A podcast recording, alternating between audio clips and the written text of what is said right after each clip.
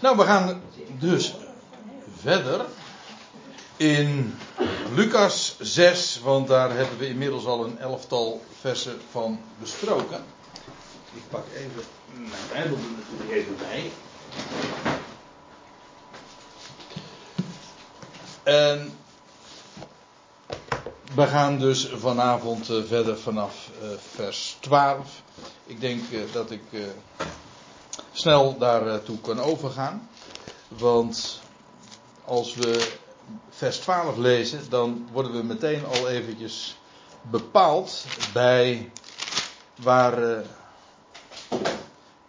waar het over ging. En de hele setting van dat wat nu gaat volgen. Want er staat er dan in vers 12 en het geschieden in deze dagen. En dat refereert uiteraard dus aan, aan het direct voorafgaande. En wat lazen we? Ik weet niet of uh, jullie uh, zich dat nog herinneren, maar wat we drie weken geleden besproken hebben, dat de Heer Jezus toen op een Sabbat in de synagoge was. En daar die man, wiens uh, hand verlamd was, genezen heeft. En dat daar een hele heftige reactie volgde. Ze raakten, staat er dan in vers 11, ze raakten volkomen hun verstand kwijt. En spraken met elkaar over wat, wat zij Jezus zouden doen. Nou, dat klinkt al heel onheilspellend. En feitelijk is dat al. Je hoort eigenlijk al de echo van ja, wat later zou volgen in de beraadslagingen om Jezus om te gaan brengen en te kruisigen. Het was in die dagen dat eh, het navolgende dus plaatsvond. En dan staat er dat hij uitging tot in het gebergte uh, om te bidden. Of naar de berg of het gebergte. Dat kan beide. En dat lezen we zo dikwijls dat de Heer Jezus dat deed in de nacht. Dat hij, als hij overdag dan werkzaam was geweest, dat hij in de eenzaamheid zich terugtrok en dan de berg op ging om te bidden. In dit geval is dit trouwens ook typologisch heel fraai. Ik wil dat zo in een aantal zinsdelen ook even laten zien. Want feitelijk wat hier aan de hand is, is dat in vers 11 en het voorafgaande wordt dan getekend hoe het Jodendom, de synagoge, Jezus afwijst en feitelijk al de beraadslagingen doet om hem om te brengen. En het is in die dagen dat hij vervolgens uitging, ja, uitging, in feitelijk ook uit de synagoge en vervolgens uh, het gebergte op.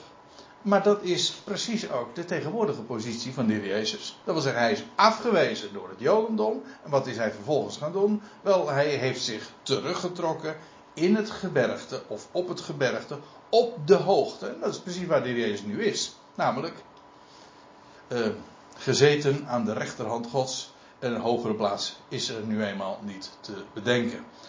En dat is in het verborgene. En er staat er ook nog bij om te bidden. Hij ging dus,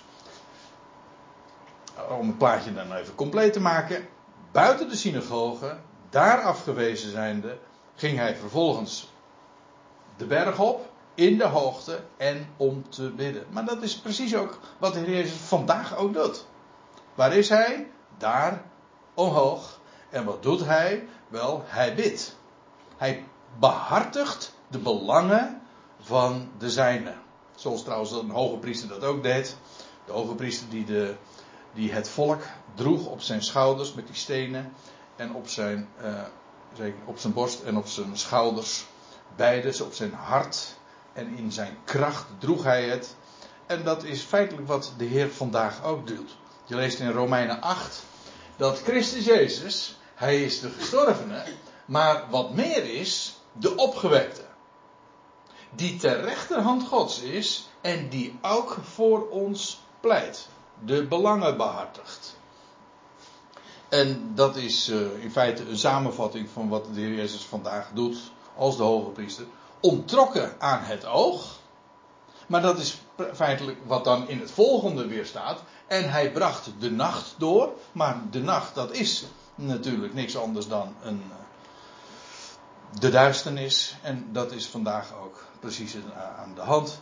Eh, in de wereld is het donker. Christus is aanwezig, het Jodendom heeft hem afgewezen. En waar is hij nu? Wel, buiten het zicht, niet voor het oog waarneembaar, maar hij is daar. En wij weten, hij behartigt eh, de belangen van de zijnen. En eh, dat is een geweldige, ja, geweldige zekerheid dat je Paulus, of Petrus zegt dat ook van wij verheugen ons met een onuitsprekelijke verheerlijkte vreugde. Uh, hoewel wij hem thans niet zien. Nee, dat is eigenlijk ook precies uh, typerend voor deze tijd. De Messias is gekomen en toch zien we hem niet. En dat is deze, dat is deze 2000 jaar, deze hele tussentijd, de nacht, waarin hij afwezig is. En het wachten is dus feitelijk op de nieuwe morgen. Maar daarover straks nog even meer. Eerst nog even dit. Eh, want er staat, en hij bracht de nacht door. Niet slapend, maar in het gebed van God. Dat klinkt wat vreemd, maar zo staat het echt. Want in de NBG-vertaling staat in het gebed tot God. En ik weet niet hoe het in de Statenvertaling staat. Heb ik niet nagekeken. Ook tot God. Ook tot God, ja. Het ligt ook het meest voor de hand. Want ja, je bidt tot God. En toch staat dat er niet. Er staat heel dikwijls van dat er gebeden wordt tot God. Maar hier niet. Er staat hier het gebed van God. Het idee is niet zozeer dat God de geadresseerde is. Dat wil zeggen degene tot wie de Heer Jezus zich richtte in het gebed. Dat is, dat is wel zo, maar dat, zo staat het er niet. Het, het idee is dat God zelf de oorsprong is van het gebed de schrijver van het gebed. Dus het gebed wat hij bidt is het gebed van God zelf. Van God zelf. Het, het gebed dat hij bidt, dat is het gebed van God zelf. Zo staat het er. Ook zoals God dat wil. Hij bidt het gebed zoals God dat wil. Met recht ook in zijn naam. Vandaar ook dat wat hij bidt gebeurt. Want ja, zo gaat dat met uh, een gebed in overeenstemming met de wil van God. Heel eigenaardig, het gebed van God. En zo bracht hij uh, die nacht door. Nou, vers 11, de afwijzing in de synagoge. Vers 12, de nacht. Jezus ontrokken aan het oog, op de berg. Hij bidt daar het gebed van God. De tegenwoordige positie. En dan staat er in vers 13. En toen het dag werd. Aha. Toen riep hij zijn leerlingen en koos er twaalf van hen uit. Die hij ook apostelen noemde. En in feite gaat die typologie, dus die, die profetische lijn, die daar, of die structuur die, die daarin verborgen ligt, gaat ook hier weer verder. Want ja, aan de ene kant heb je dus in het verleden de aanwijzing in de synagoge, de tegenwoordige positie vandaag van Christus daarboven. En dan, waar is het wachten op? Op het moment dat de zon opkomt, dat de zon der gerechtigheid, zo wordt dat elders ook genoemd, zal verrijzen en dat de nacht zal verdrijven uit van deze wereld. En dan wordt het dag. En het idee is dan dat Israël dan feitelijk tot zijn bestemming komt. Eh, want er staat van hij riep zijn leerlingen en hij koos er twaalf van hen uit. Maar het getal twaalf is natuurlijk per definitie het getal juist ook van Israël. Het getal van de stammen van Israël. En ja, wat je dus krijgt is dat als de Heer straks terugkomt vanaf de berg, dan eh, wat hij dan gaat doen is dat hij de twaalf tot apostelen zal maken. In feite ook voor Israël zal dan ook haar missie gaan vervullen. Want dat is het grote verschil tussen een leerling, een discipel en een apostel. Nou ja, het grote verschil. Ik bedoel, die leerlingen werden apostelen. Dus het zijn dezelfde personen, zo bedoel ik het ook niet. Maar het zijn verschillende termen. Een leerling is iemand die in de leer gaat, uiteraard, die onderwijs krijgt. En een apostel, het woord zelf, betekent um, een afgevaardigde. Een apostel, het, het, Griekse woord apostel betekent, u ziet het trouwens hier ook in de, in de interlineair, wordt het gewoon op zijn Nederlands weergegeven, want een apostel is feitelijk gewoon een Grieks woord. Ja, wat is een apostel? In feite was het een, een, een normaal woord voor wat wij een afgevaardigde noemen. Ik uh, weet bijvoorbeeld Menno Eijman, die deze interlineair ook gemaakt heeft, die, uh, die pleit er ook voor om het eigenlijk gewoon op zijn Nederlands te zeggen. Want uh, je verhaspelt feitelijk een, een, Grieks woord waarvan we de betekenis niet kennen. Terwijl als dit zo opgetekend wordt, was het gewoon vol duidelijk. Het gaat over afgevaardigde. Iemand die afgevaardigd is met een oog op een bepaalde missie. Als ik iemand afvaardig, dan betekent dat dat degene die uh, door mij gezonden wordt, vertelt en doet datgene wat ik. Waartoe ik het zend of waar waarvoor je het instrueert. Feitelijk is de afgevaardigde dus een delegaat, een, uh, een representant ook van degene die hem zendt. Nou, dat is toch geweldig. Uh, als, we, als je het hele plaatje ziet, de Heer keert, straks terug. Als een nieuwe dag aanbreekt, dan zal hij de twaalf in hun bediening gaan plaatsen. Israël komt tot zijn bestemming en zal uh, ja, gezonden worden, feitelijk voor de hele wereld. En, maar dan gaat het niet meer over twaalf, maar gaat het over twaalf maal twaalfduizend. De 144.000 die straks uh, hun bediening over de hele wereld gaan uitvoeren. En dan zal het evangelie van het koninkrijk binnen één generatie ook gepredikt worden. Maar goed, uh, u begrijpt, dit is wat ik nu vertel, is, dat is de typologie, de, de, de profetische lijn die hierin verborgen ligt. Als ik nou even gewoon terugga naar de historie zelf, is uh, het werd dag en hij riep zijn leerlingen. Dus het idee is trouwens niet dat hij hier past, uh, dat hij uh, op, op één dag al die twaalf leerlingen heeft geroepen of dat ze daarvoor al niet zijn leerlingen zouden zijn. Want we weten dat de meeste waren al geroepen. Alleen, er staat hier, hij riep zijn leerlingen um, en koos er twaalf van hen uit, die hij ook apostelen noemde. En dat is wat hier feitelijk gebeurde. Hier worden de leerlingen eigenlijk al tot apostelen gemaakt. Of in ieder geval um, tot apostelen benoemd. Zo van, jullie krijgen nu onderwijs. Deze groep, deze kleine groep van leerlingen, van discipelen, de twaalf, jullie gaan apostelen worden, afgevaardigden. In feite zit daar dus een hele taak in. Een leerling is nog feitelijk iets, uh, ja, als ik het zo mag zeggen, die consumeert, die neemt tot zich. Onderwijs namelijk. Een apostel voert iets uit. Een missie, een taak. Die wordt gezonden.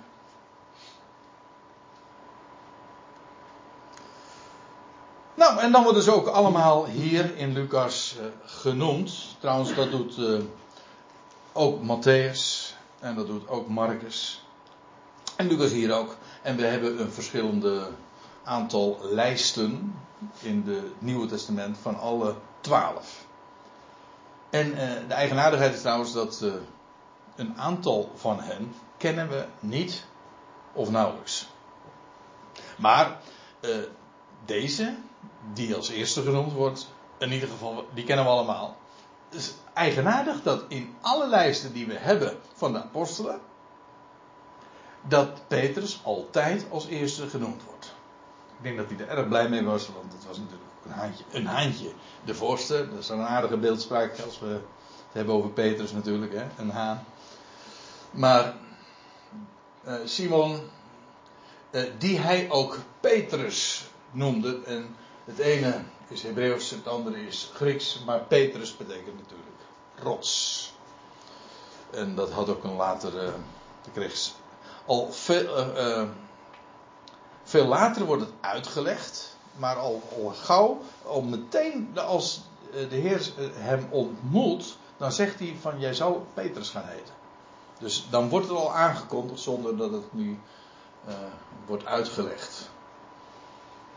Dit is trouwens ook een, uh, een, bewijs dat hier niet voor het eerst sprake is van uh, de roeping van zijn discipelen. Ze worden hier voor het eerst apostelen genoemd. Ja, dat wel. Maar het is niet zo dat ze vanaf deze dag de twaalf, uh, dat hij gaat optrekken met de twaalf, want dat deed hij al. Hij was al eerder geroepen en in hoofdstuk 5 vers 10 waren we dat al tegengekomen.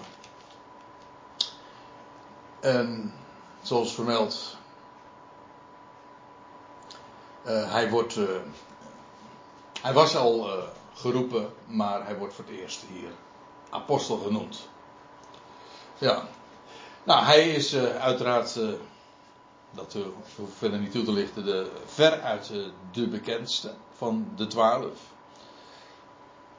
Um, maar laten we ze eventjes het rijtje langs gaan. Gewoon omdat Lucas ze hier ook alle twaalf noemt. Hij zegt, nou, Simon, die hij ook Petrus noemde. En Andreas, zijn broer, die veel minder bekend was.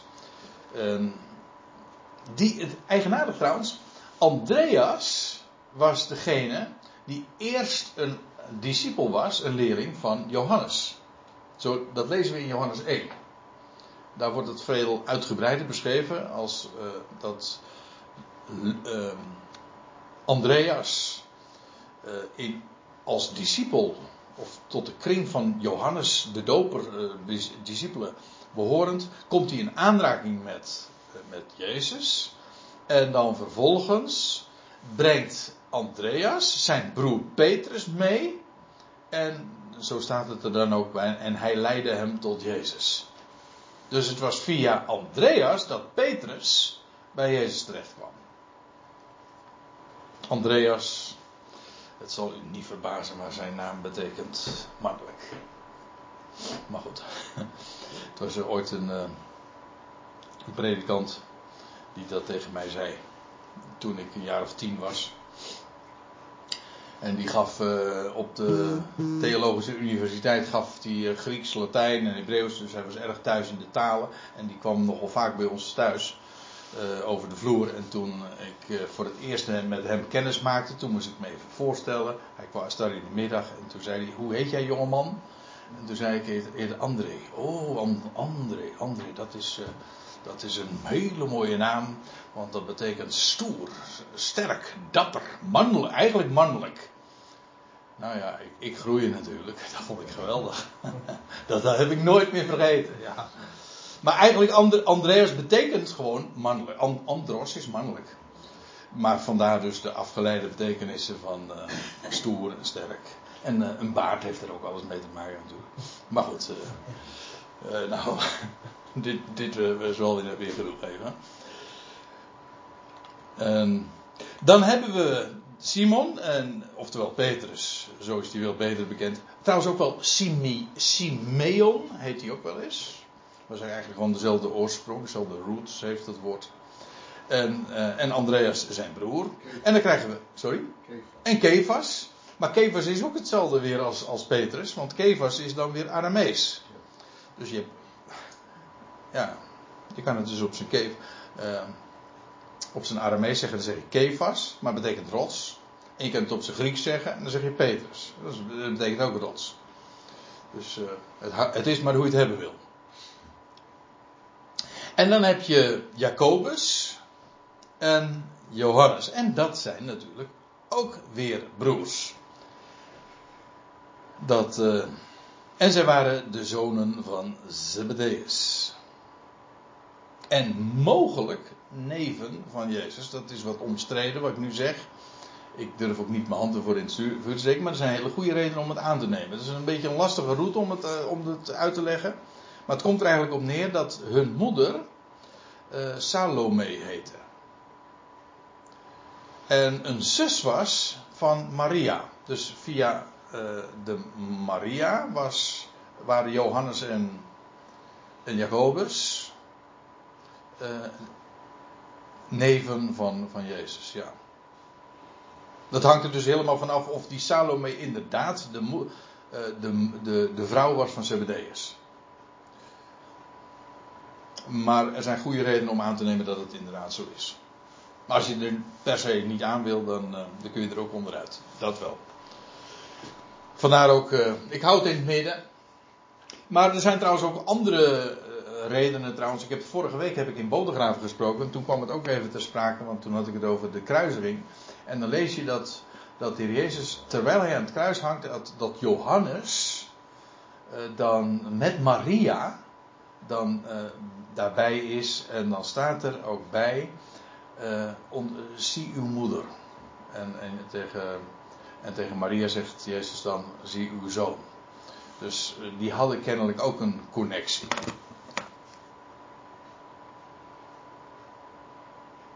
En deze beide broers, Jacobus en Johannes, ja, die hoorden bij uh, de, ja, echt bij de intimie. Want als er uh, een groepje in de twaalf genoemd wordt, dan zijn dat er drie. Dan zijn dat Petrus, Jacobus en Johannes.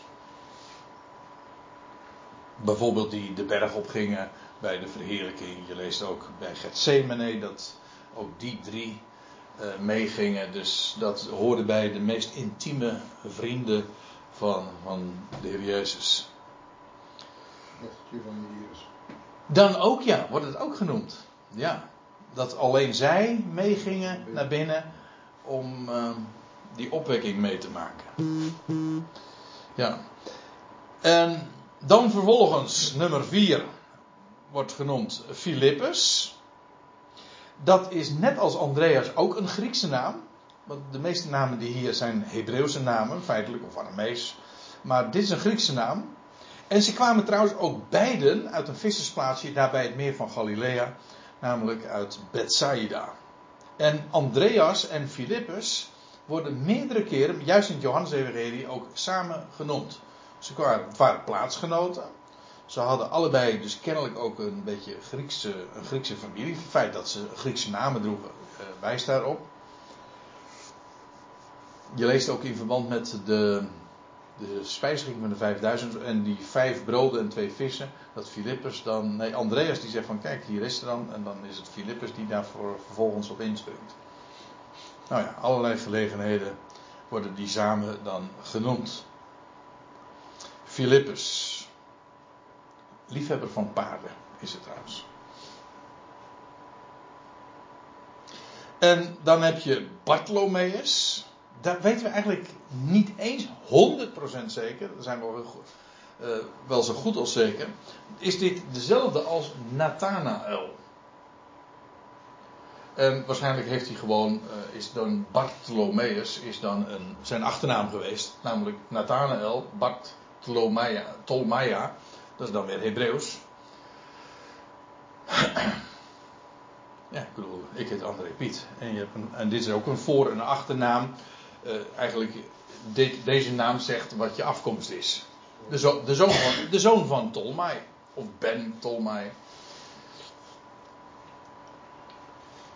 En feitelijk is, is dat dus de Griekse versie van zijn naam en de Hebreeuwse versie van zijn naam. Uh, in Johannes wordt uh, Nathanael nog bij de introductie vrij duidelijk ook beschreven. En voor de rest komen we hem eigenlijk niet meer tegen. Afzonderlijk. Behalve dan in de lijst van namen zelf. En dan heb je Matthäus. Die ook een dubbele naam had, want uh, eerst heette hij Levi. We kwamen hem al eerder tegen, in, uh, omdat hij toen hij Jezus tegenkwam, toen heeft hij zijn hele praktijk als tollenaar opgegeven en toen heeft hij een groot feest gegeven. Waar hij Jan Alleman voor uh, heeft uitgenodigd. En dus hij was goed bij kas, maar dat mag je van een tollenaar natuurlijk ook verwachten. Hij heeft afstand gedaan van zijn bezittingen. Eerst heette hij dus Levi. En hij is ook uh, de schrijver geweest van het eerste evangelie. Dan hebben we Thomas. Nou, ja, waar associëren we Thomas mee? Vooral met ongeloof. Hè? Hij, hij, hij zijn naam met name dan vooral hè, de ongelovige Thomas, omdat hij zo twijfelde aan, uh, aan, de, aan het gerucht dat Jezus, of aan het getuigenis van de discipelen, dat Jezus werkelijk opgestaan was. En uh, pas een week later wordt hij ook overtuigd. Dat is deze Thomas. Zijn naam betekent tweeling. En uh, dat kun je trouwens ook weer op zijn Grieks zeggen. En dan zeg je Didymus, maar dat betekent ook tweeling. En de reden waarom hij zo heet is waarschijnlijk omdat het er eentje van de tweeling was. Ja, dat uh, hoeft niet zoveel fantasie te hebben. En Dan heb je nog Jacobus, maar dan moet je zeggen Jacobus van Alveus, want we hadden dus een andere Jacobus al. De broer van Johannes, de zoon van Zebedeus. Ja, en dit, dit was Jacobus van Alveus. Eh, hij heette, in, Mark, in Marcus 15 wordt hij genoemd Jacobus de Jongere. Dus uh, ja, je moet. Uh, die namen zijn heel erg handig. Maar als je dan verschillende hebt die zo, diezelfde naam dragen, dan ga je ze aanduiden van nee, dat is die van de Jacobus van Alveus of Jacobus de Jongere. Hè? Hoe je het dan ook maar noemt.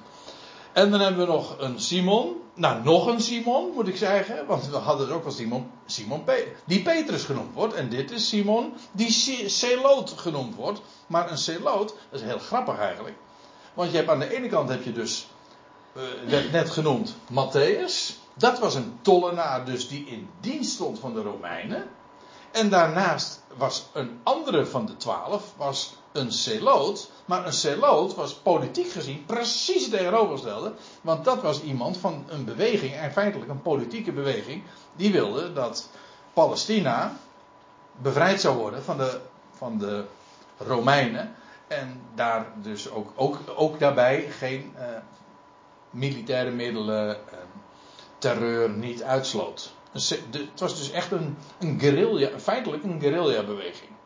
De Celoot, die, de, de, beweging van de Zeloten, die wilde dat, dat Israël van, zich van haar, het Romeinse juk zou bevrijden. Dus uh, dat waren twee hele politieke verschillende standpunten. Uh, Matthäus, de tollenaar, en anderzijds Simon, die Zeloot genoemd wordt. Dan hebben we ook nog Judas. Maar dan moet je zeggen Judas van Jacobus. Want als we het hebben over Judas als een van de twaalf. Geheid dat u denkt, en net als ik. Nou, dat is de, die, die Jezus verraden heeft. Dat klopt. Maar je had er nog één. En vandaar dat die Judas van Jacobus genoemd wordt. En ja, het, het je, zou zeggen, nou, dat is heel makkelijk, hè? Twaalf namen, die, die, eh, die, die, die noem je even. In de praktijk is het knap ingewikkeld. A, omdat een aantal van hen nauwelijks uh, genoemd worden in de evangelie, of in ieder geval een rol spelen, of echt uitgebreid beschreven worden. Maar uh, een ander punt is, is dat ze ook vaak een dubbele naam hebben. Ik noemde al Simon, Petrus. Ja, het zijn twee, heel verschillende namen. Maar ook deze uh, Judas, die heet in Matthäus en Marcus geen Judas, maar heet die Thaddeus. Thaddeus. En als Johannes het over hem heeft, dan zegt hij Judas, ja, maar ik niet Iscariot. Dus die andere Judas. Dus dat is best wel verwarrend, want het komt er eigenlijk op neer dat als hier dan tenslotte nummer 12 genoemd wordt, de laatste in de rij. En waarom hij de rij afsluit is niet zo moeilijk, want hij vervult natuurlijk ook een negatieve rol. Uh, hij, Judas Iscariot, die verrader werd. Dat betekent dus, we hebben twee keer een Jacobus in de twaalfde. We hebben twee keer een Simon. En we hebben twee keer een Judas. Alsjeblieft. Ja. Goh. Ja, zeggen van. Uh, nou ja, niet, niet alleen in Katwijk trouwens. En, uh, zeker in het verleden had je heel wat uh, families waar waar veel familieleden allemaal, allemaal dezelfde naam hadden. En dan moesten ze vervolgens weer anders aan gaan duiden. Dan kregen ze en dan, dat is ook de reden waarom mensen bijnamen kregen. Gewoon om ze alsnog te gaan onderscheiden. Ja, welke heb je het eigenlijk over? En ik had een. Uh, mijn, mijn grootvader die heette Dirk Piet. Hij was de oudste van 12, 13 kinderen. En toen kreeg hij een, uh, had hij nog een broer. Die heette Piet Piet. En hij had ook nog een zus. Die heette Pietje Piet. ja. Dus als je het had over Piet. Ja, uh, wacht even. Uh, welke Piet? Ja, de voor- of achternaam. En dan nog, als je het over de voornaam hebt, is, heb je de mannelijke versie of de vrouwelijke versie. Ja. Maar goed, dat fenomeen doet zich natuurlijk heel vaak voor. Dat, uh, dat namen heel dikwijls gegeven worden. Judas heeft bij ons natuurlijk een uh, uitgesproken negatieve naam klank gekregen. Vooral vanwege die, die S erachter natuurlijk. Hè. Judas. Maar het is gewoon Juda. Het is alleen, de ene is Hebreeuws en de andere is Grieks. Stamgenoot van Jezus. Precies, ja. Stamgenoot, ja. Uit de stam van Juda. Nou ja, in ieder geval, dit zijn, uh, dit zijn de twaalf. Die uh, voor een deel niet eens zo heel makkelijk te onderscheiden zijn. Maar de belangrijkste, uh, die nog wel eens een keer ter sprake komen, die, hebben we, die zullen we nog wel vaker tegenkomen. Afijn, dan komen we in vers 17 uit en dan staat er, en hij, dat is de heer Jezus dus, daalde met hen af en stond op een vlakke plaats. Dat hoeft niet per se in een dal te zijn. Je hebt, een hoog, je hebt ook een hoogvlakte per slotverrekening, een laagvlakte. Maar het is gewoon een vlakke plaats. Een vlakte dus, ja. En dan staat er, en een talrijke schare van zijn leerlingen. En een talrijke menigte van het volk. Eigenaardig trouwens, als ik het eventjes zo zeg, want er staat een talrijke schare van zijn leerlingen. We hadden het net over de twaalf, maar dat is een, een, selectie van leerlingen. Je had ook een, een, grote groep die ook met hem meeging. Je leest dat ook in Johannes 6, een hele grote groep die met Jezus uh, meeging en die uh, zijn onderwijs heel intensief volgde. Dat waren dus allemaal leerlingen van hem. En maar in feite was de kring nog groter. Er was nog een grotere cirkel. Namelijk een talrijke menigte van het volk. Die misschien niet direct genoemd zou worden leerlingen. Maar dan toch in elk geval belangstelling voor hem had. En dat uh, een, misschien ook een, een warm hart toedroeg. In ieder geval, het was een, let op, een talrijke schare van zijn leerlingen. We praten dus over grote groepen mensen en het talrijke menigte van het volk. En er staat erbij, en dat geeft dan ook wel een impressie van uh, over, over, uh, de, over de impact die Jezus onderwijs heeft gehad. Want we moesten kijken waar uh, vanuit dat al die leerlingen en dat volk vandaan kwam. Want er staat er uit heel Judea, nou dat is hier.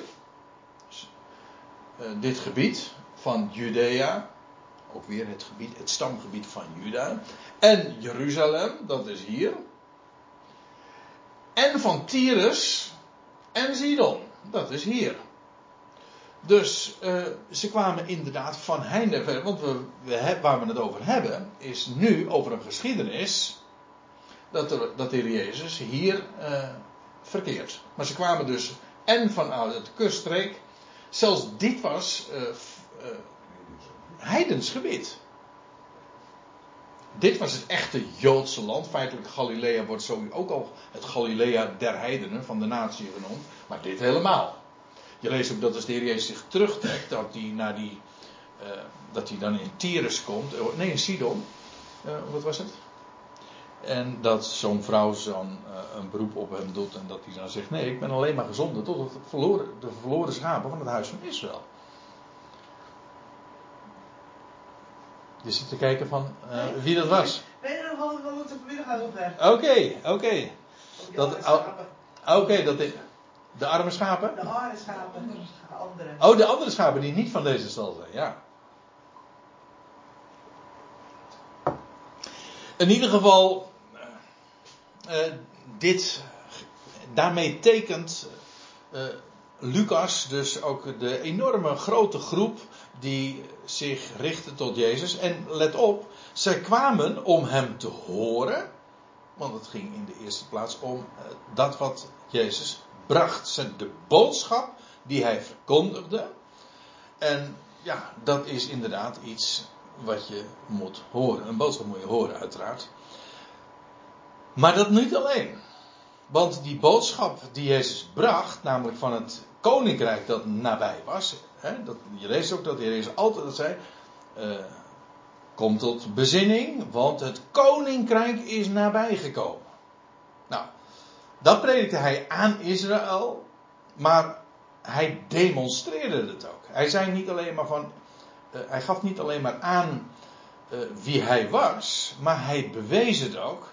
En gaf ook en begeleidde die prediking ook met de tekenen van dat koninkrijk. En die gingen hand in hand. De prediking van het koninkrijk ging hand in hand met die wondertekenen die plaatsvonden.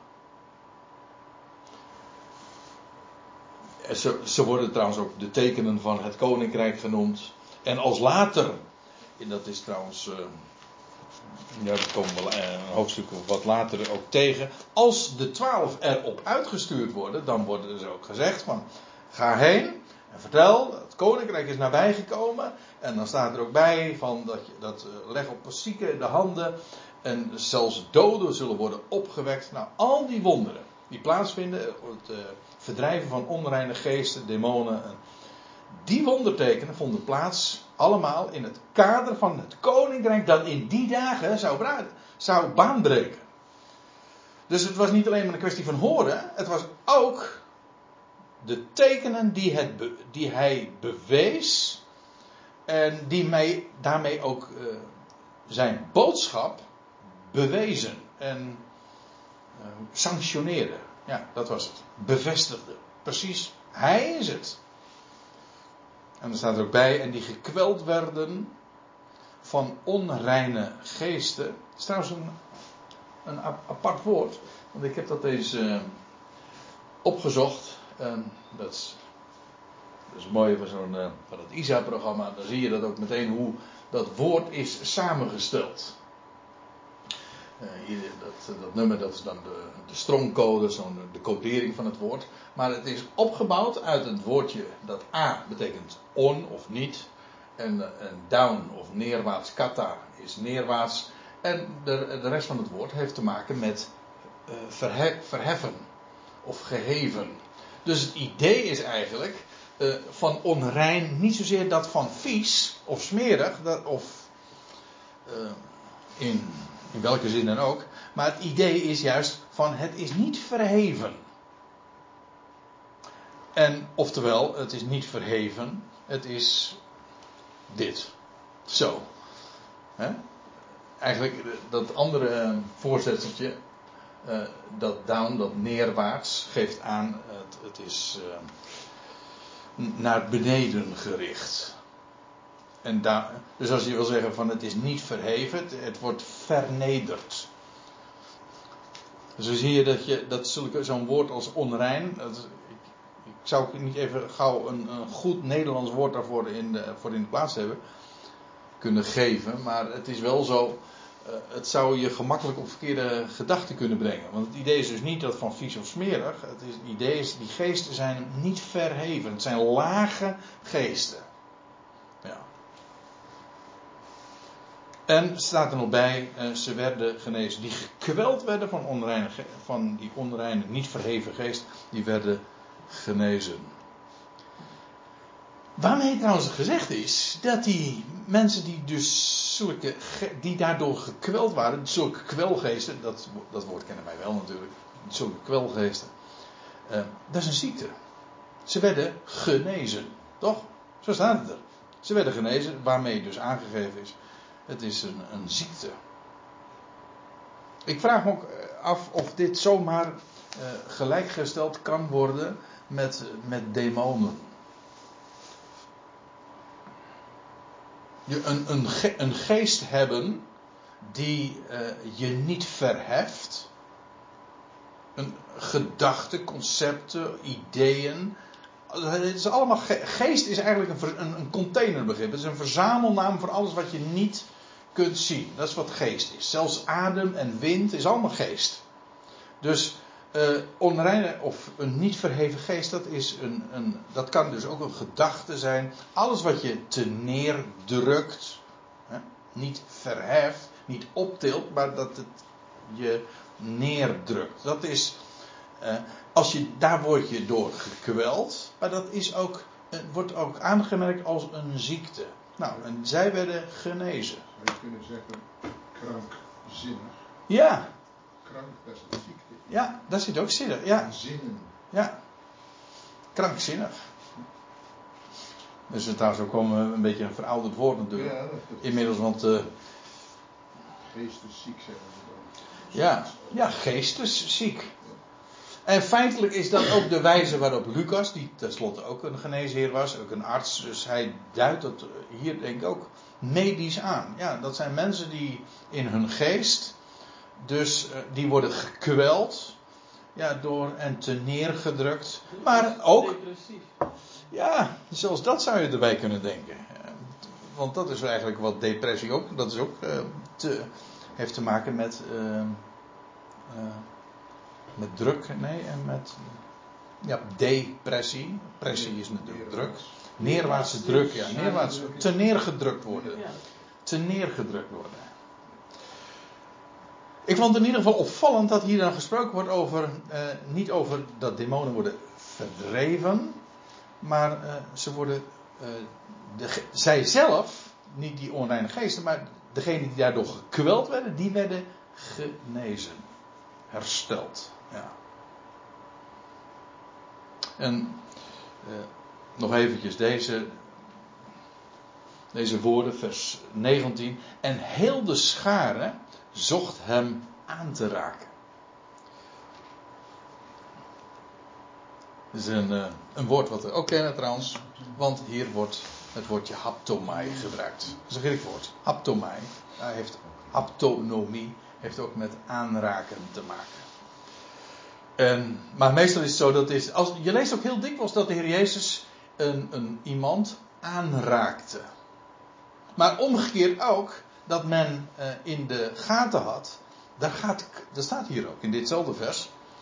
Daar ging kracht uit van, van zijn verschijning. En men zocht hem aanraken. Men wist als een aanraking is genoeg om de bloedvloeiende vrouw, is een bekende, die zelfs, die zelf zegt, die hoeft niet eens hem aan te raken, maar als ik maar de zoom van zijn kleed, eigenlijk de kwast, de kwast van die, die gebedskwast die een Jood ook heeft, als ik alleen maar die kwast aanraak, dat is al genoeg. En inderdaad, dat is dan in zo'n mensenmenigte en iemand raakt hem aan in geloof, dan, zegt, dan merkt hij, er is kracht van mij uitgaan. Dus heel wonderlijk. Heel en heel de schade was zich daar ook van bewust. Van dit is niet zomaar iemand. Er gaat zo'n geweldige kracht uit van zijn woord. Dat woord wordt ook werkelijkheid. Dat wil zeggen, hij zegt, word, wees genezen. En iemand werd genezen. En men zocht hem aan te raken. Omdat er kracht van hem uitging. En staat erbij, hij genas allen. Geen mislukkingen. Ja, ik zeg het er even expres bij, omdat er vandaag natuurlijk ook heel veel in de charismatische en de Pinksterwereld doorgaat voor, eh, ja, weet je wel, die ook menen dat ze nu het koninkrijk moeten prediken. En eh, ook wonderen claimen. En dan, nou ja, dan zijn er sommigen die zeggen dan, eh, ik ben door, daardoor genezen, maar het merendeel wordt niet genezen. En dat, eh, weet je wat er dan gebeurt? Dat wordt dan geweten aan het slachtoffer. Iedereen die bij de Heer kwam, ze werden allen genezen. En dit is niet het enige voorbeeld hoor, want er zijn heel wat teksten in de Evangelie waar je dat altijd leest. Hij genas hen allen. En soms staat er inderdaad bij dat iemand dat hij wegging omdat hij eh, niet wilde genezen, dat is waar. Maar je leest nooit dat hij iemand eh, zei te genezen en of dat gebood en het niet gebeurde. Of nog erger, dat hij gebood van wees genezen of neem je bed op en wandel of eh, wordt geopend of dat nu ging over de ogen of over de oren. Altijd was het met succes. Het gebeurde. Dat, dat was de kracht van het woord. En nooit dat als het, eh, ja, wat, je nu dus eh, meemaakt, en dat, dan zie je ook hoe vals dat is. En hoe een, een karikatuur dat is van wat we in het Nieuwe Testament lezen. Daar is het echt, echt, hè. En dan wordt het koninkrijk gepredikt met kracht. Zonder mislukkingen. En nu vindt er een zwak aftreksel plaats en dat wordt dan met een heleboel tamtam en dat, eh, gebracht. Maar het wemelt van de mislukking. Eigenlijk is het één grote mislukking.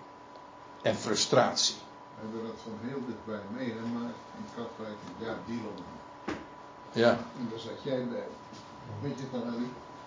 En die zat maar. Kan God opschieten nou? Want Papé moet genezen worden.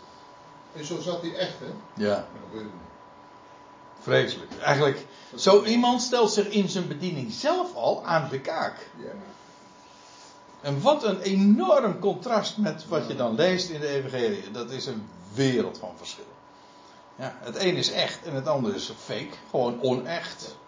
Nou, en eh, ik kan ook een hele lijst van namen geven van allemaal die onder dat, die noemer vandaag dan opereren. En het is eigenlijk gewoon één grote aanklacht eh, van hen, eigenlijk aan henzelf, waar, ze mee bezig zijn. Als je dat leest in het licht van het Nieuwe Testament. Het gaat helemaal nergens over. Goed, ik stel voor dat we het even hierbij laten. Dan eh, gaan we straks verder met vers 20.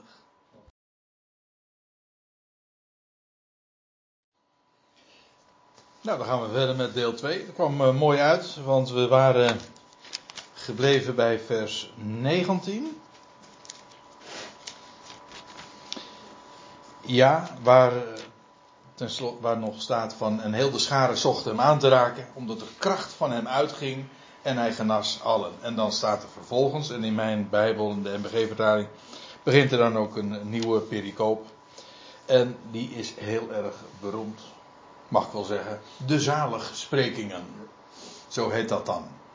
En trouwens, als je nu nog naar Jeruzalem, nou niet Jeruzalem, maar naar het meer van Galilea gaat, dan heb je ook eh, de berg van de zaligsprekingen. Of dat inderdaad de locatie is geweest, dat, eh, dat steek ik mijn niet voor in het vuur. Er wordt wel eens meer wat beweerd, maar eh, in ieder geval een prachtige plek. Ook, met een geweldig uitzicht. En ik begrijp nu ook een klein beetje.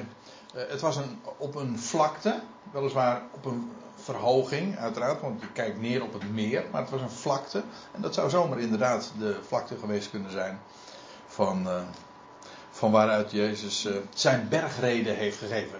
Ja, grappig hè, want als, in, in Lucas staat het, het was een vlakte, maar op, als je dezelfde reden leest in het Matthäus-evangelie staat het, het was op de berg. Ja.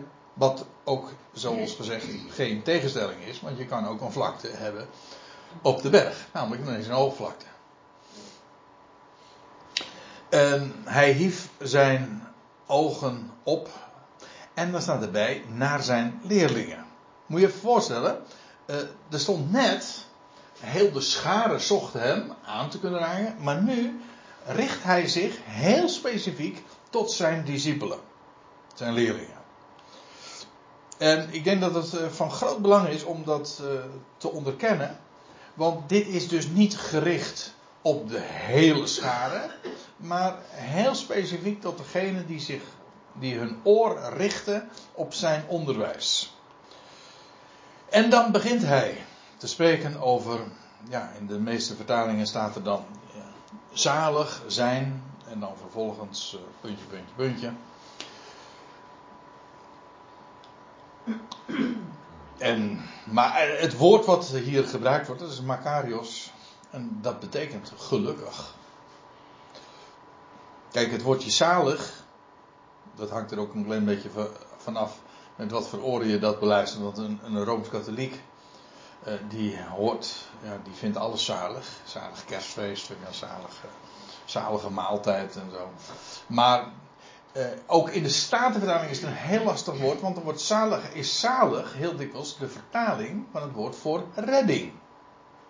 De zaligmaker bijvoorbeeld. En dan is dat de, gewoon de, de redder. Of in de MBG-vertaling dan weer de heiland. Maar eh, het woord wat hier gebruikt wordt is gewoon het woord voor gelukkig. Het is ook trouwens een aanduiding van God zelf. In 1 Timotheüs 1 vers 11, makkelijk te onthouden, allemaal ene. Maar daar eh, lees je dat aan Paulus was toevertrouwd het evangelie, het goede bericht van de gelukkige God. En dan wordt exact ditzelfde woord ook gebezigd. Gelukkig. In het Nederlands zit daar ook absoluut die gedachte in van, van gelukken. Ik zeg niet eh, dat dat in, in het Engels, eh, of pardon, in het Grieks, ook de, eh, per definitie de gedachte is van gelukken en van succes hebben. Dat wil zeggen, je, dat wat je onderneemt, dat gelukt je. Maar eh, neemt niet weg, eh, ons, eh, het woord gelukkig of in het Engels happy, ja, daar spreekt vreugde uit. Je bent gelukkig. Gelukkig zijn de armen. De armen, eh, dat hoeft natuurlijk niet per se eh, materieel arm te zijn. Nee toch? Net zo goed als dat rijk niet per se eh, materieel rijk zijn. rijk betekent. En ik heb wel eens de uitdrukking gehoord. Sommige mensen zijn zo arm, die hebben alleen maar geld. Dat kan, je ook, dat kan ook nog dus. Eh, de armen hier eh, doelt. En dat vind ik trouwens in dit geval ook heel belangrijk, want je zou hier zelfs een so- een social gospel uit kunnen afleiden. Eh, de- prediking van het socialisme, weet je wel, de armen mensen die, die worden tot een, eh, door een politiek programma eh, tot verheven uit hun armoede. En, maar dat is niet de gedachte.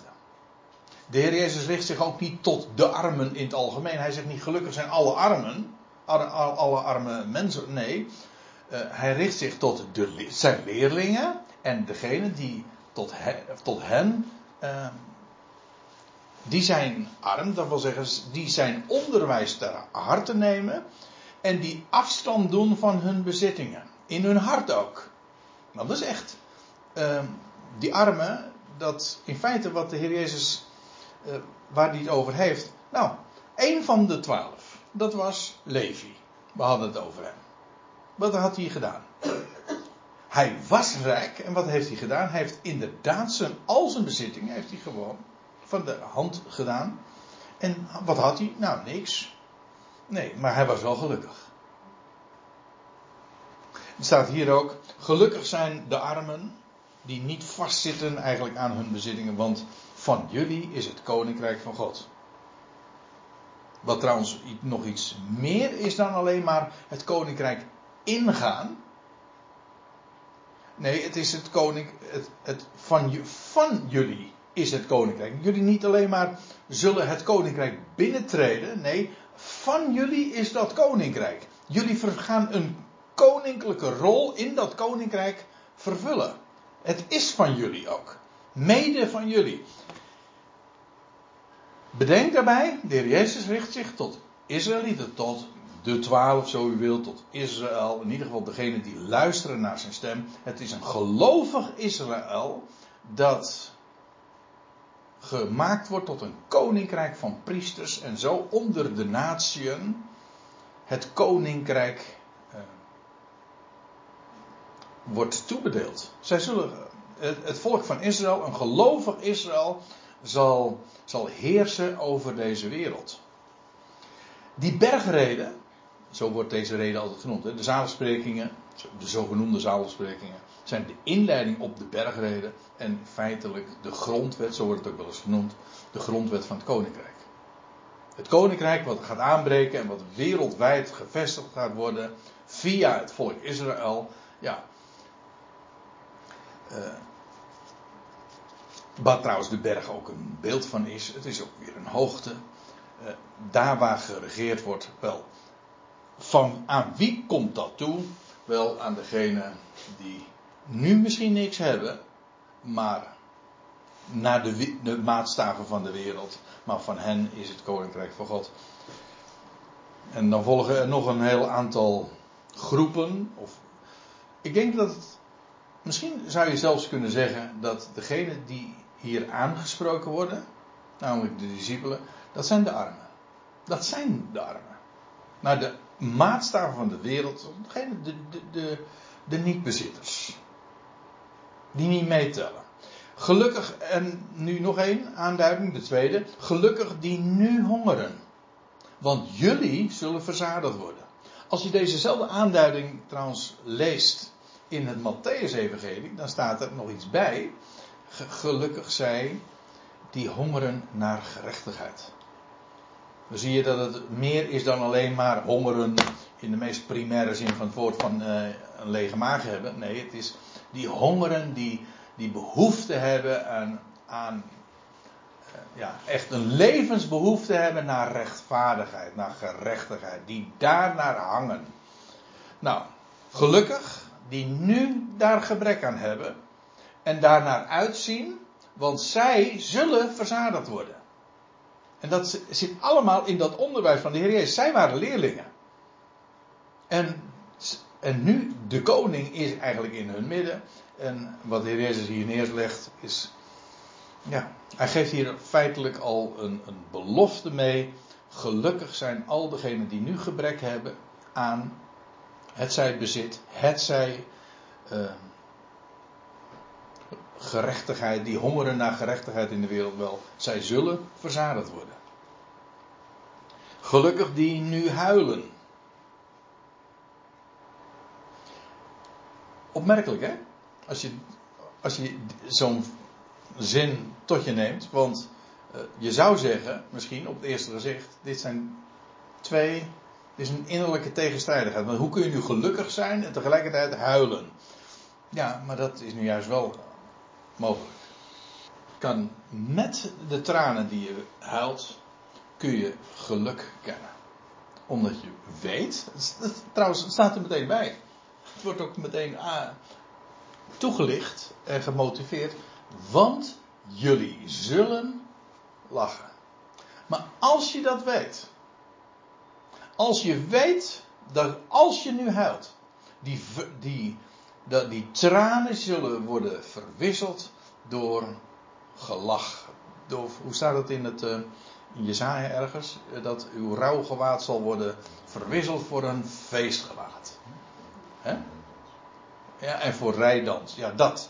Dat, als je weet dat wat je nu tekort komt in geloof, hè, je weet dat gaat God goed maken. Maar dan ben je nu al gelukkig.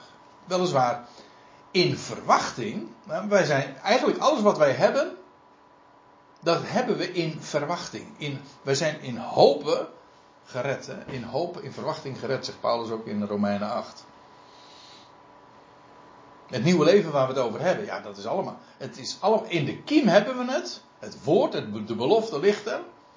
En we hebben onze kaarten erop gezet. Ja, waarom? Hij heeft het gezegd en dus gaat het gebeuren. En dus heb je nu op, op voorhand, terwijl het nog moet komen, heb je nu al de vreugde daarvan. Omdat, omdat je weet, het gaat komen.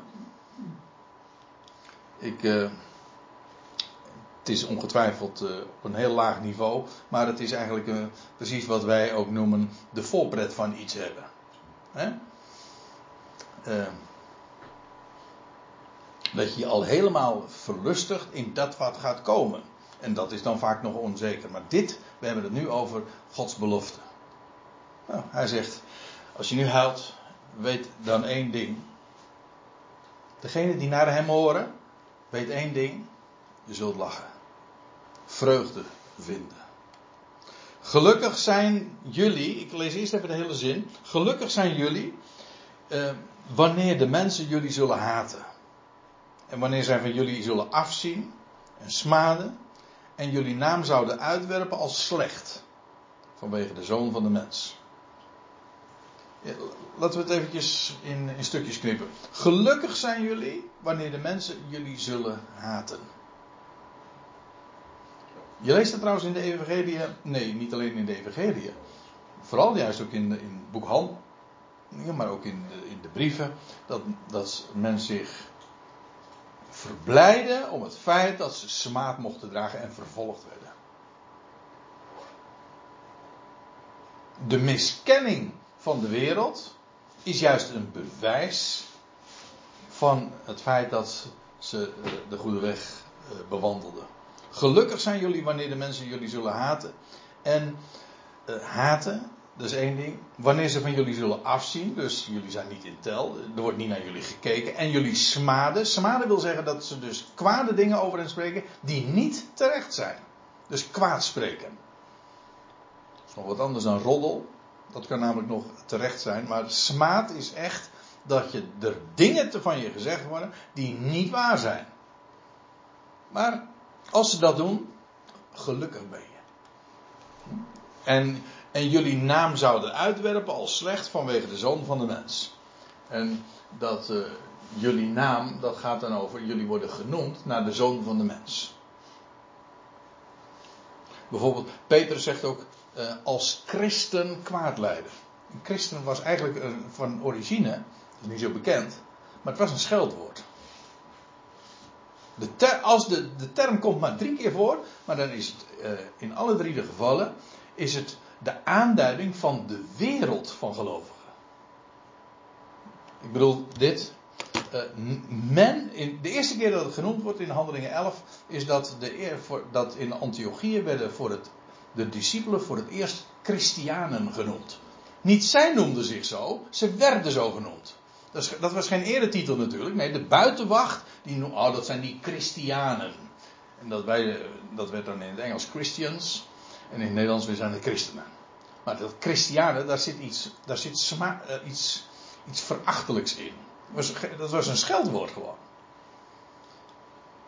En uh, als, als ze dat zo noemen, dat, ze duiden je op een bepaalde manier aan die feitelijk, die men jou geeft, maar die feitelijk smaad is. Dat is net zoiets als de, je gelooft in God die het al verzond en dan ben jij een alverzoener. Dus smaad.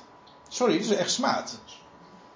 Want er is maar één alverzoener. Er is maar één die het al verzoent en dat is God door zijn zoon Christus Jezus. En als ze, als ze mij of jou dan een, een alverzoener noemen, dat is smaad. Weten zij veel. Maar het is wel zo. Maar maakt het uit, uh, ook hier staat het, en jullie naam zouden uitwerpen als slecht, verwerpelijk, vanwege de zoon van de mens, hè, de Heer Jezus Christus zelf. Wel, zegt de Heer Jezus, verheug je in die dag, namelijk waarin alles vergoed gaat worden.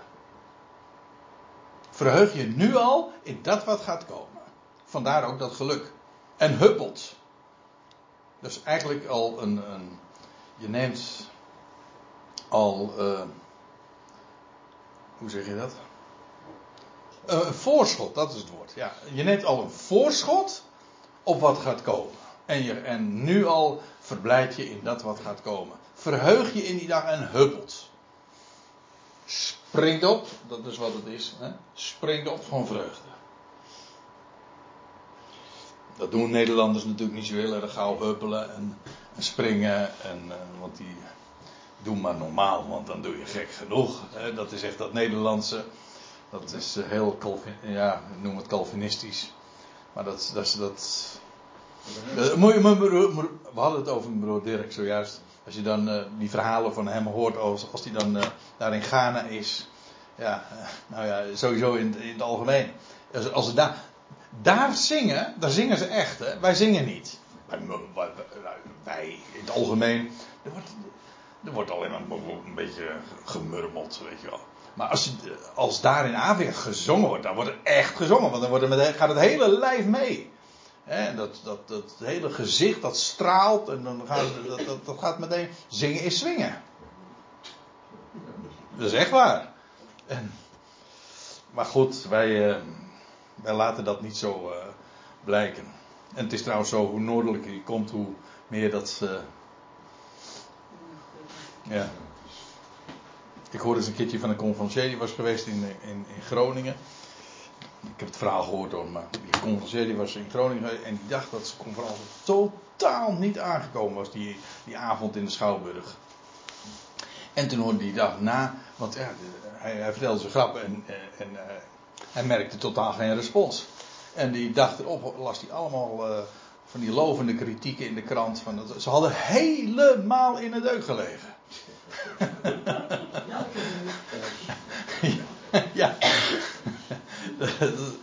ja, sommige mensen die, uh, die verwerken dat puur innerlijk, terwijl er niks van, geen expressie blijkt. Maar goed, dat is onze volksaard. Maakt ook niet zoveel uit. Maar als de vreugde maar uh, daar is. Verheug je in die dag en huppelt. Want let op, zegt hij. Uh, jullie hebben veel loon in de hemel. Ik, even twee dingen dat veel loon, dat, is meer, dat loon is meer dan alleen maar een schadeloosstelling. Schadeloosstelling wil zeggen van dat wat jullie eerst tekort kwamen, de geleden schade, die zal straks hersteld worden. Nee, maar het is veel meer. Dat loon, dat is, uh, het is eigenlijk, daar komt zoveel meer bij dan alleen maar de geleden schade. Het is, Het is, eh, het is veel loon. En in de hemel, dat zouden wij gemakkelijk kunnen misverstaan. Maar kijk, je moet goed realiseren. Als dat hier staat, jullie hebben veel loon in de hemel. Dat loon is in de hemel. Hè? Niet, per uitbetaling is per se in de hemel. Dat loon, dat wordt in de hemel bewaard. En dat krijgen jullie uitgekeerd. Kijk, je moet je goed beseffen. De Heer Jezus spreekt hier tot Israëlieten. Die een aardse toekomst hebben. He, tegen, in, op diezelfde bergreden lees je ook dat de Heer Jezus zegt van de zachtmoedigen. Dat staat hier in Lucas dan niet. Maar van die zachtmoedigen. Want zij, gelukkig de zachtmoedigen. Want zij beërven de aarde. Of letterlijk het land. Ja, gewoon hier op aarde. Dat loon is in hemel, dat wil zeggen, dat, daar wordt het bewaard. Daar kan ook niemand aankomen, maar het wordt straks hier op aarde uitgekeerd. Dus het loon in hemel wil niet zeggen dat, daar, dat je daar het loon krijgt. Nee, het loon wordt daar bewaard en je krijgt het. Voor ons is dat weer wat anders, maar de Heer Jezus spreekt hier over Israël en tot Israëlieten. Vreug je in die dag en huppelt, want let op, jullie hebben veel loon in de hemel, want op dezelfde wijze deden hun vaderen met de profeten. Ook hier blijkt weer, hun vaderen, gaat het dus over Israël. Hè? En wat hier ook uit blijkt, is op dezelfde wijze deden hun vaderen met de, met de, met de profeten. Nou, dat betekent dat het het getuigenis van de discipelen helemaal op, op één lijn ligt met dat van de profeten ooit in de Bijbel, in de, in de, in de, de in de Tenach, ons Oude Testament. God had een woord en de profeten hebben dat uitgesproken. En in die dagen was het zo, zou het uitgesproken worden door de apostelen die waren afgevaardigd. Maar hoe ging het ooit met de profeten? Die werden toch ook afgewezen? Jeruzalem, Jeruzalem, zei de Heer Jezus. Dat de profeten dood en stenigt wie tot u gezonden zijn. Zo ging het altijd. Als God een woord had voor het volk, dan werd dat altijd miskend. Dus als je in diezelfde lijn behandeld wordt, zegt de Heer Jezus, net als ooit de profeet, dat betekent dat je op de goede weg zit. Dat is geen, het is geen bewijs van, van, het is geen disqualificatie. Integendeel, het is een kwalificatie. En dan volgt ook een paar keer een W. Wee jullie rijken. Why? We hadden het net over die Surinaamse W. En de Katekse way. Maar dat is in, in, ook in het Grieks zie je dat ook, hè? The way. Uh, why? Uh, jullie rijken die vasthouden in jullie bezit. Want jullie zamelen uh, jullie bemoediging nu al in. Samen, dat inzamelen, dat is, staat in de tegenwoordige tijd. Dat wil zeggen, uh, jullie bemoediging, ah, die, dat die hebben jullie nu. Want straks hebben jullie niet meer. Dus aan de ene kant ging het over degene die nu luisteren naar het woord. En die worden gelukkig gesproken. Maar degenen die nu al rijk zijn en vasthouden aan hun bezit, wel, die hebben hun, hun troost en een bemoediging nu al. Want straks krijgen ze dat niet meer. Wee jullie die nu verzadigd zijn, want jullie zullen honger hebben. En wee jullie die nu lachen, want, want jullie zullen rouwen en wenen. Jullie denken het nu allemaal te hebben. In de toekomst uh, zullen jullie het koninkrijk die tijd uh, ontgaan uh, zullen jullie mislopen. Ja. Wee u, staat er dan tenslotte in vers 26 nog. Wee u wanneer al de mensen wel van jullie spreken. Dit vind ik wel een mooie. Ook voor onszelf. Hè. Ik weet het, dit, dit is een, een, hele specifieke context en dat moet je niet zomaar één op één toepassen, maar neem niet weg. Er staan zulke prachtige dingen in waar we direct ook onze lessen uit kunnen leren. Ook dit is zoiets zo waar, ook in onze dagen. Als iedereen wel van je spreekt en zegt van, oh geweldig wat het woord wat, wat hij of zij gelooft en brengt.